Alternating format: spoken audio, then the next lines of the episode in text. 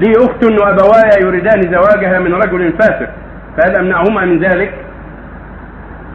يا إنسان؟ لي أخت وأبوايا يريدان زواجها من رجل فاسق فهل يجوز للأخ المنع وعدم موافقة أبيه على هذا الرجل؟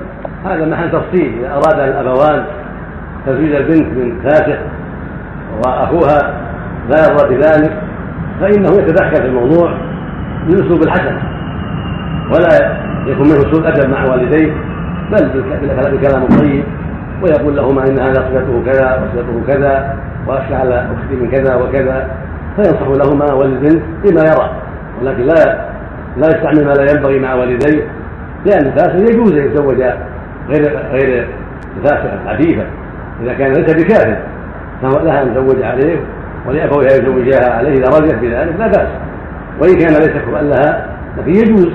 أن تأخذه وأن تزوج عليه.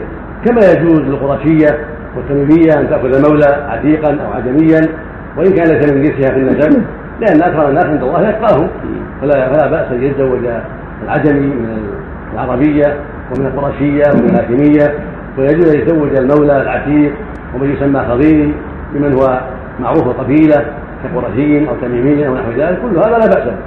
العمدة التقوى إن اكرمكم عند الله يتقاكم لكن إذا كان المرء إذا كانت البنت ترضى به وأبواها يرضيان به ويخشى عليها لو لو منعت أن تقع فيما هو أكبر. لأن بعض الناس قد يمنعها من شيء يراه خيرا لها ولكن قد تقع في الفساد قد تقع في الزنا وهذا أكبر. فينبغي النظر في هذا وعدم اللجاج في مخالفة الوالدين والبنت في أمر لا يحصل أما كان لا يصلي هذا لا خير فيه لا يزوج.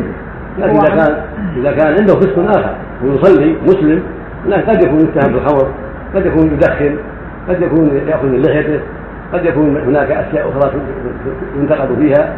هذا لا يمنع من تزويجه. هذا لا يمنع من تزويجه لكن إذا وجد غيره منه خير منه هذا أفضل. إذا كان ولكن اليوم الشاب السليم قليل الشاب السليم من هذه الشرور قليل. فإذا أراد الأب أن لا يزوجها إلا بمن هو كامل ليس فيه شيء من العيوب قد يصعب عليه ذلك وتبقى عنده البنت سنة طويلة وربما بقيت إلى آخر الدهر. فينبغي أن ينظر في ذلك وأن يختار لها من هو أقل شرا ومن هو أقل بلاء ولعل الله يهديه بعد ذلك بالنصيحة والتوجيه. أما الكافر لا ما يجوز أن يتزوج كافرا لا يصلي أو معروفا بسب الدين. أو معروفا ب- ب- بالإباحية هذا لا يجوز. لا لها ولا لأبويها حتى لو والد أبوها ما يجوز. وحتى لو والدتها لا يجوز.